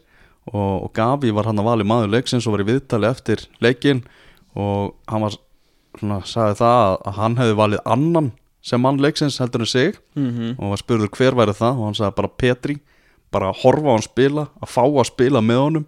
Þetta væri bara stórkostlegt. Þannig að þessi saman að Gavi og Petri ég menna þetta er bara von Barcelona um að ná aftur í, í allra fremstur röð, bara er í höndunum á þessum tveimur strákum. Það er bara þannig. Ábyrðin er mikil á að herðum ungra manna en þeir eru svo góðir maður. Ekkert eðlilega góðir. Og fremstu þrýr hjá Spánverjum þeir voru bara búin að skora hann nánast strax í upphafi leiks allir og Þetta er ekki oft sem að sér þetta. Byrju, Olmo 11, Asensio 21, já, þeir voru, búin, að- þeir voru allir konu á blað eftir hálftíma. Já, einmitt. Allir fremstu þrýr og, og Ferran Torres náttúrulega frábær tengda sonur jú. Luis Enrique. Þannig að fínt fyrir hann svona ef að Ferran Torres er ekki að standa sig og er í liðinu þá er fljótt að skapast eitthvað umtal þannig að bara gott fyrir hann að setja tvö í þessum leik. Já, svo líka bara brettin í þessu. Veist, Carlos Soler kemur inn á uh, skorar, ég veit, Kosta Ríka Morata, alltaf, alltaf tröstur með landsliðinu, reynslu mikill leikmaður. Þeir eiga hann líka Ansu Fati, Pablo Sarabia, Marcus Llorente ónótaður varamæður uh, og svo sko eiga þeir með þess að ef hann vil setja inn alvöru miðvörð, til dæmis í Þískarlandsleikin að setja inn Pá Torres eða Eri Garcia, sem kannski ekki eitthvað að vera eitthvað frábær upp á síkastið, að íta þá veist, Rodri á þú veist, skilur hann á þann Já. möguleik alltaf til En það segir sitt um hennar leik að sko ég var bara að sk- skoða núna Una Simón í markinu hjá Spánverjum Mm. Ef þú hefur spurt mig hver var í markinu hjá Spáni í þessum leik ég hef þurft að hugsa því að ég horfði á hennar leik ég man ekki eftir bara Una Simón í þessum leik. Það vona samt að er völd að hver var í markinu á Spáni. Allan ekki David Igea Nei, nákvæmlega. En þeir voru, voru flottir og gaman að sjá og hérna annað af tveimur bestu liðum háum hinga til. Algjörlega stórkostlegir. Uh, F-riðillin, þar uh, hann fór á stað með tveimur leikjum þar sem kom bara eitt mark. Já. Marokko og Kroatia gerðu markalust í leik þar sem að svona já, liðin voru bara hrættari við það að tapa leiknum heldur en löngurinn var til að vinna Já, við sínum þeim jafnmiklega virðingu og þeir síndu okkur með þessari framistu og tölum ekkert um þetta. Heldur betur, Belgia með 1-0 sigur á móti Kanada og það var stór, stór skemmtilegur fótballtaleikur Frábáleikur, gaman að sjá hérna Kanadamenn að koma svona fríska inn í þetta. Uh, ógvænlegu hraðið hérna fram á við hjá þeim. Uh, og svona það verður gaman að sjá hvort þið geti haldið þessum dampi eða hvort þetta var svona kálvara vori fyrsta sinn á HM síðan 1700 og súrkál dæmi sko Já, þau, en sko líka átt okkur á því að hérna, ég man ekki hvort ég hef búin að segja þetta hér þannig að hvort ég sé bara geti verið að ljúga þessu eða ekki en Ég er allan að í öllum, allir sem hafa spurt mig Ég held einhverja tvo fyrirlestra í, í fyrirtækjum um, um HM hérna, og, og allir sem spurði mig hver heldur að floppi væri Ég sagði alltaf Belgia mm.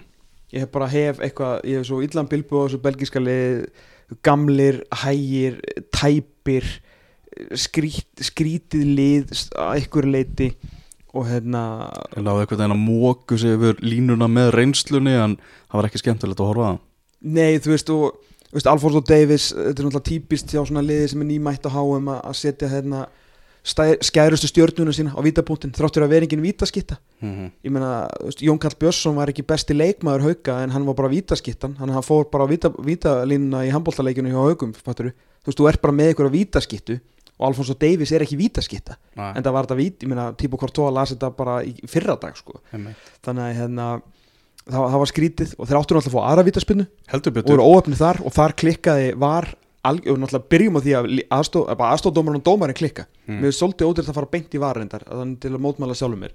Því að þarna hérna, liftir hann flagginu en dómarinn náttúrulega sjá þetta þetta, þetta er ekki eins og þetta rekkur af leikmanni Belgíu, þetta bara sending tilbaka sko. Fyrstu stóru mistökin á HM hjá, Já. dóm, hjá dómurum. Já svona öllum sem að hafa bara dómari, aðstóðdómari og allt var herbyggið Já, og þá ætlum ég bara að segja það að þessi Janni Sikasve sem að dæmdi þennan leik, sambíumadurinn sem fekk sólstingin á uh, í Afriku mótinu já, flautaði tvisvar af áður en 90 mínútna voru liðnar. Já, maður bara gjössanlega í rugglinu, vissi ekki hvort hann var að koma að fara. Þú veist, auðvitað óheflegt að hann fái sólsting og allt hannig en þetta er Afrikumóti sem var á þessu ári. Mhm. þetta er stærsta svið Afriku og hann er fyrir hönd Afriku að dæma á þessu móti. Bara því miður ef þú gerir svona þá áttu ekki að dæma HM á, á sama ári. Þarna áttu bara að hverfa hans möguleiki á því að spila á hvað heldur þú að hefði gerst ef að, hérna, Anthony, er ekki Anthony Taylor á dæmasmóti? Jú, ég held að ef Anthony Taylor hefði flautað Champions League leik af þó að það hefði verið sex og það hefði verið riðla keppnisleikur Mm. um mikið raskat, einhver tvö lið sem var að berjast um að komast í Európa-dildina ef flauta hann hefði af 850 8050 heldur og aftur á að hafa 8009 já, hann gerir þetta tvisa, ég er bara að gleyma því mér þessa og, og, og, og setna flöti stóð þannig að leikurinn endist ekki í 90 mínútur sko. heldur þú að hann, hann eða Clement Urban eða hvað segir heitaldir í Európu var að dæma háum eða gerð svona mistök? Bara dæma Belgíu, Kanada? Nei, ekki séns. Þetta er af hverju á ég ekki að halda þess að vorum að tala um á hann hver fyrir sig í þessu FIFA dæmi að hérna, hvort sem þessi Zambia eða bara, þú veist, Afríkumenn sem að sérst, yfirmenn þessara Afríkuríkja hafa nú, og mið Ameríku sérstaklega og Karabíahafsins hafa nú verið hvað duglegast er við að hérna, fá brúnu umslögin og, og skila sínum tilbaka fyrir formenn eh, FIFA, hvort sem að þeir heita Sepp Blatter eða Gianni Infantino þannig að, þú veist, sko, spillingin á FIFA ef maður kafar aðeins í dómaramálin og dómaravalið á Mm. HM sérst afskaplega vel núna þegar fyrsta umferðin er búin í, í riðlakjarninu og, og rúmlega það Já. þá erum við að tala um það, það er dómari búin að dæma frá Katar, mm heimamæður það er dómari búin að dæma sem er frá Sáti Arabíu. -hmm. bara umslæði takk.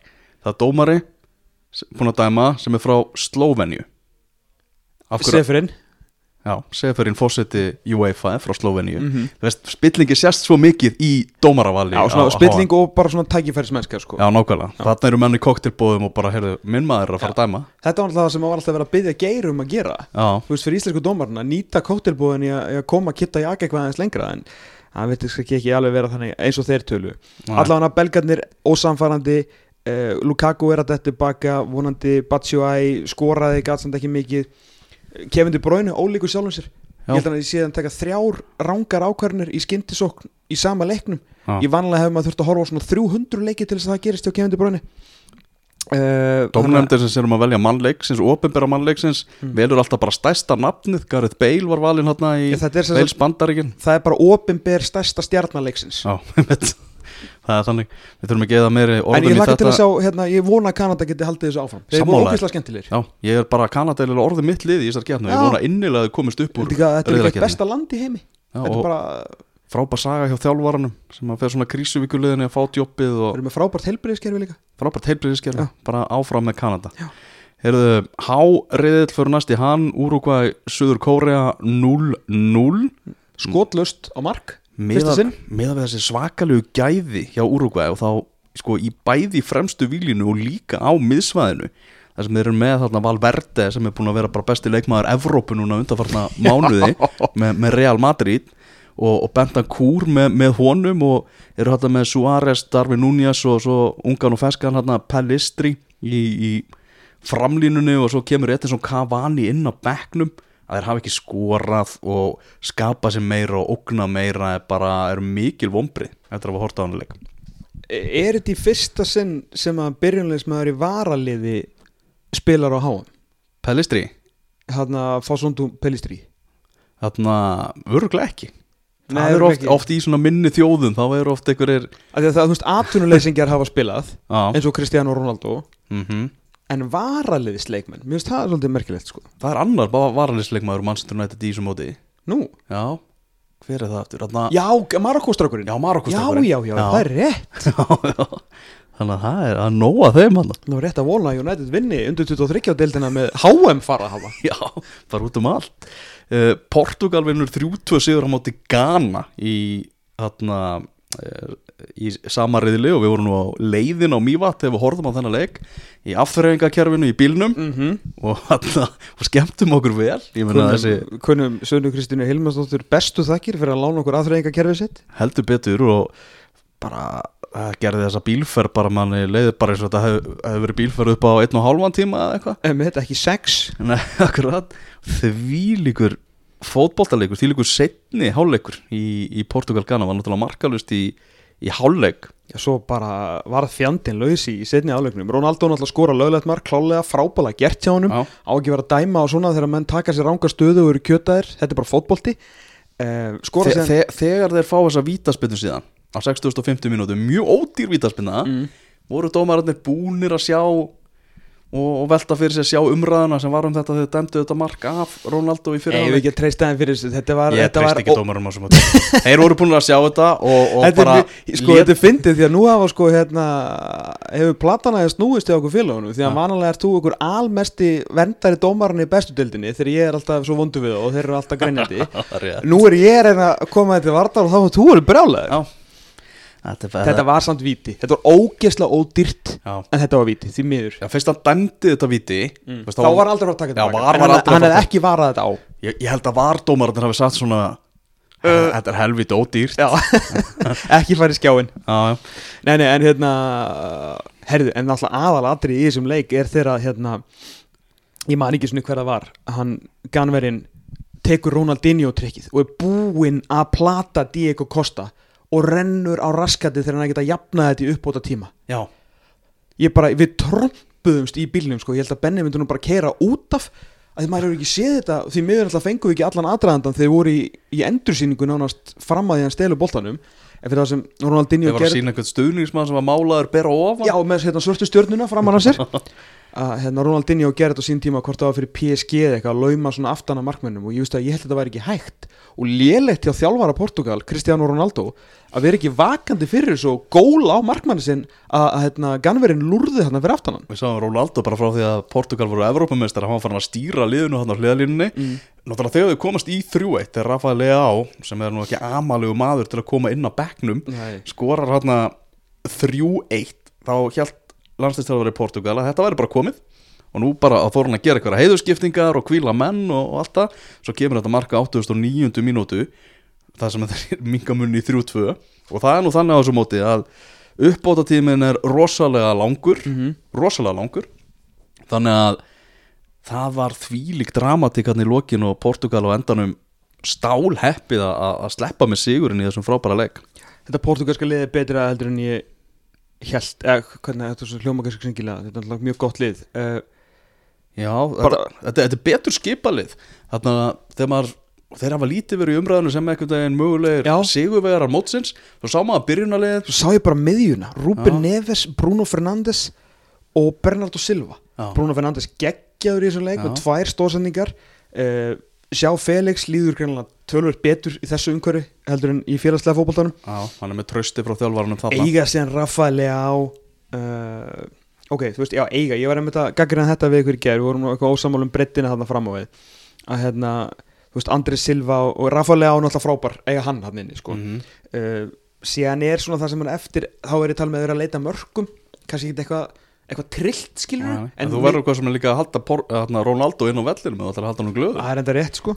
En, en allt í kringum eða þeir komast yfir þeir geta hent Pepe inn á til þess að leysa upp leikina. Þeir eiga náttúrulega Jao Palinja Já, hjá Fulham til að mæta inn á bara og berja menn sko. Já, það er frábærleik hann maður er búin að sína það í núna. Þannig að hérna, þeir, þeir líta, líta vel út. Varnarleikurinn ekki spes þó. Ég hérna, hef ágjör að þeir get, getur þurft að skora 23 í leika er alltaf að vinna leiki Það var miðað svolítið við hvernig þetta var. sloppi í mjög sloppi, já. Þarna Ronaldo, aðeins um hann hann var með kveðum þennan leik Mm. uh, hann náttúrulega ekki, hann er án félags skoraði þarna fyrsta marki félagslaus atvinnulegs atvinnulaus og feskur þannig að hann er bara hjá vinnumálastofnun þessa, þessa stundina mm -hmm. hvað hann að já, þetta var gott fyrir alla aðilega hvað? Þessi, þessi Mér að mér bara, hérna, ég var uh, fínt að sjá hvernig viðskiljarnu var. Uh, hérna, pósturinn hans var bara uh, ekki, bara flottur. Hérna, ég meina, United segir bara hann hérna, sé farinn og bara hérna, samningunum er bara sagt upp og, og honum þakka fyrir góð störf og hann svara með að segja bara ég elska Manchester United, ég elska stuðnismennina en nú þarf maður að fara að finna sér nýja áskorun. Já. auðvitað náttúrulega vita allir að það er alveg rugl en þetta, þetta virtist farsalega leist ég held að Sári muni grófa og við munum sjá Ronaldo í vippinu hjá Manchester United eftir nokkurar Já, ég meina Erik Ten Hag verður ekki hérna eilifu og, og hérna verður örgulega búið að skiptum yfir mannknarsbytum eða mála eða framkvæmda stjóra skilur og, og hann náttúrulega tenging Manchester United og Ronaldo er mikil en kannski ekkit endilega Erik Ten Hag og, og Richard Arnold sko mitt. þannig að ég held að sé alveg óhætt að taka undir það þér Já. En hvert fer hann?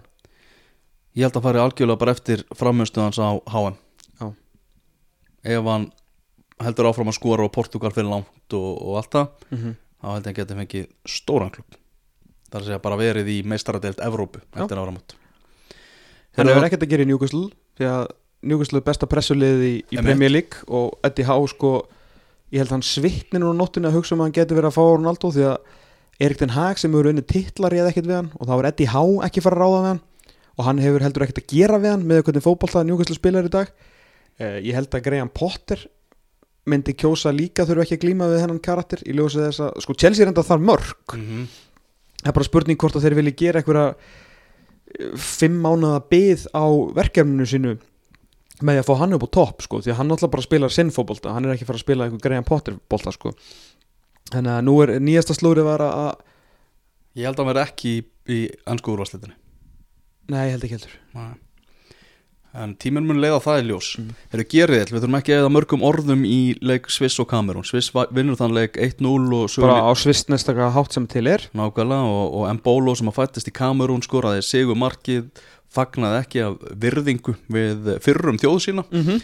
og eh, ok, Sviss bara með, með þrjú stig. En það var þessi leikur náttúrulega í gerkveldi þar sem að brassatnir, þínu menn Mm mættu til leiks, mættu annað að tveimur minuleg, annað að Já, þar sem að uh, Richarlison, hann skorar þarna bæði mörkin á, á 60. annar mínútu og, og svo þetta geggjaða mark. Shit, Við þurfum ekki að, það er allir búin að sjá þetta mark sem er, sem er að hlusta á 73. mínútu. Sérst, Víni gefur hann svona fyrir.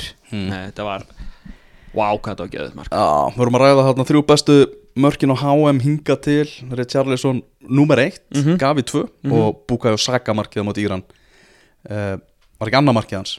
fyrra, Fyrra markið hans fyrra markið Já, alveg bara gjósalega frábært mark Herru, braslíumennir smá hérna, hæðatræða í fyrirháleiknum Já. Ég held að bara, þú veist, eitthvað XG upp á 0,01 gegn 0,2 eða eitthvað mm. uh, Svo fó bara allt í gangi í, í setni háleiknum voru rosalega brasilískir Casimiro frábærin á miðunni vinna boltan og koma honum með þessar geggju sendingar sínar beint í lappirnar á, á þessum þremu fremstu. Uh, Vinicius Junior var lengi vel eini leikmaður sem spilaði eins og brasilíumæður Það er að segja bara fá boltan sóla menn í drastloka og enda átti hann alltaf stóra þátt í, í örumarkinu uh, vel, bara Rich Allison alltaf fyrramarkið alltaf bara harfylgi eftir emitt svona dundur hérna, Neymar, breyttist á líka í Neymar. Já, frábæð móttaka tekur þarna þrjáleik og, og missir síðan boltan aðeins frá sér og Vini er, er fljótur átt að sig tekur þetta skot sem að Milinkovic Savic verið út í teig og, og hérna Rich Allison bara eins og gammur síðan setna marki líka algjörlega, algjörlega bilað eins og segir. En þeir voru bara svo brasilískir í setnið áleik það var svo Mhm. gaman að sjá þetta maður. Fyrir okkur stundins með Brasilíu að, að þeir voru bara pakka þeim saman. Þeir hefði getað skorað þrjú, nei, fyrir, svona þrjú fjögumörk hefði verið, hefði verið eðlilegt. Uh, og svo bara skiptingarnar ég vissi alveg að brettin væri mikil aðna frammóið, þeir eru alltaf með mesta samansafn og úrval af sko engum alvörum framherja per se, jú, jú, Gabriel Jesus er nú reynda nýja. En að mæta inn, sko þeir starta Vini, Richarlison, Neymar og Rafinha og inn á koma Gabriel Jesus, Antoni og Rodrigo. Já. og ónótaðar varamæður nei, og Gabriel Martinelli kom líka inn á fyrir ekki hérna pluss náttúrulega Fred sem að sjálfsögðu náði skota á markið og, og átti fína innkomið þarna þannig að þetta er og ónótaðar varamenn. Bruno Gimares, Fabinho eh, hérna, Edri Militao í, í vörnina því að uh, Diego Silva var nú eitthvað, eitthvað svolítið skrítin í þessu leik, hann virkaði svolítið það mátti ekkert gerast á hann að fara niður. Ég veit bara ekki hvort það var Diego Silva að vera Diego Silva eða hvort hann sé eitthvað tæpur. Því að hann mátti rosalega lítið gerast á hans að hann færi, færi niður. Eh, það var einn leikmæri í þessu liði sem ég skil ekki hvað er að gera í þessu brasilíska landsliði ok, ég ætla að taka það tilbaka því ég skil það því hann er búin að vera frábær í aðdraðanda mótsins sérstaklega undankeppninni og títi elskar hann. En með að hvernig hann er búin að vera að spila með sínu félagsliði í League og hvernig hann spilaði þessum leik það getur ekki verið að hann starti næsta leik. Lukas. Paketa, hann gæti ekkert í þessum leik. Var mjög slagur, alveg bara ábyrrandi slagastur ábyrrandi, langlélegasti leikmaður Brasilíu í þessum leik. Já, Eri Charlison hann bara dansar um hann á bleiku skíi með braslíumönnum finnur sér vel í gulu. Heldur Ef ég væri tóttinanstunismæður þá væri ég með vatn í mununum því ég er ekki alveg sammála því að hann sé bara góður með Brasilíu. Þetta hefur náttúrulega verið erfitt hjá hann með tóttinam út af meðslum Já, já. hann, hann geggjaður fyrir, fyrir tóttinam sá maður bara nánast eitt síns liðs halda Everton uppi á síðasta tímabili. Sko, Richarlison er líka bara með Premier League mentality. Já, þetta er, þú veist algjör djöfusis leiðinda pesi alltaf með vesinin og vellinum og svona, en það er líka stundu bara karakterið svo þart. Mm -hmm. þú veist, hann gerir allt til þess að vinna og þetta fyrra mark var bara hérna, bara alvöru pot, hann bara ítti manninu frá og veist, hann vill skora, hann vill ekki upp, hann vill tækla. Hann tefur þegar hann þarf á því að halda hann er með leiðindi þegar hann þarf á því að halda. Og eins og þú segir, menn, hann var alltaf komin í gang með tóttinam, þú veist, þegar meiðist. Einmitt. Og meiðist svona frekar illa. Mm Hann margir sem að þurfti að eyða tístum eða í gær voru búin að tala illa hann um Richarlison. Og líka náttúrulega þegar brasilíski hópurum var tilkynntu þá sá maður það á Twitter að margir sem að fylgjast aðalega með enska boltanum höfðu ekkert fylgst með Brasilíu undanfarna mánuði og, og, og í leið þeirra að þessu móti voru að furða sig á því bara brjálar yfir því að fyrir mínu var ekki pláss fyrir hann. Það var bara eins og enginn væri með interneti lengur. Nei, þá fóru þeir ákveða að skoða Richarlison sem er búin að vera lélur hjá Tottenham. Af hverju hann í þessum hóp? Mm. og ástæðan er bara einföld. Síðan hann hefur klæðst að fekk fyrst að klæða skulabúningnum er hann búin að vera gjössamlega trilltur hann er komið með 19 mörg og 7 stóðsendingar í 39 landsleikum og þannig gaur byrjar fótballtanleikina Já, og þakkaði heldur betur tröstið á stærsta sviðinu og er núna búin að skora jafnmörg mörg á HM og Ronaldinho. Það er rosalegt. Ha, þú veist. Þannig að já, bara þetta á dagur hérna, Richarlison í ger, Brasilia spátt uh, Frakland. Frakland, England. Já, svona góðu liðin sem hafa litið vel út. Þá Mhm. menn ég mjög vel út. Já, Kroatia, Belgia Þískaland, Argentína. Það eru svona fyrir neðan strik. Já vonbreið danska liði líka já, vonbreið í fyrstu umferðinni. Já, já. En, en býðum að sjá um það er eh, já, bara spennandi leikir að sjálfsögðu framöndan í, á heimsmeistaramótinu en við ætlum að fara að segja þetta gott í þessum svona sérstaka þætti á þessu sinni í bytni frá Mývatni. Já, hér er gott að vera maður. Heldur betur, Eh, þátturinn verður í svona hefðbundnari útgáfu næsta lögadag Það held ég, þeir eru stáð eftir 6 dag og 22 tíma, þannig til, þeir þess að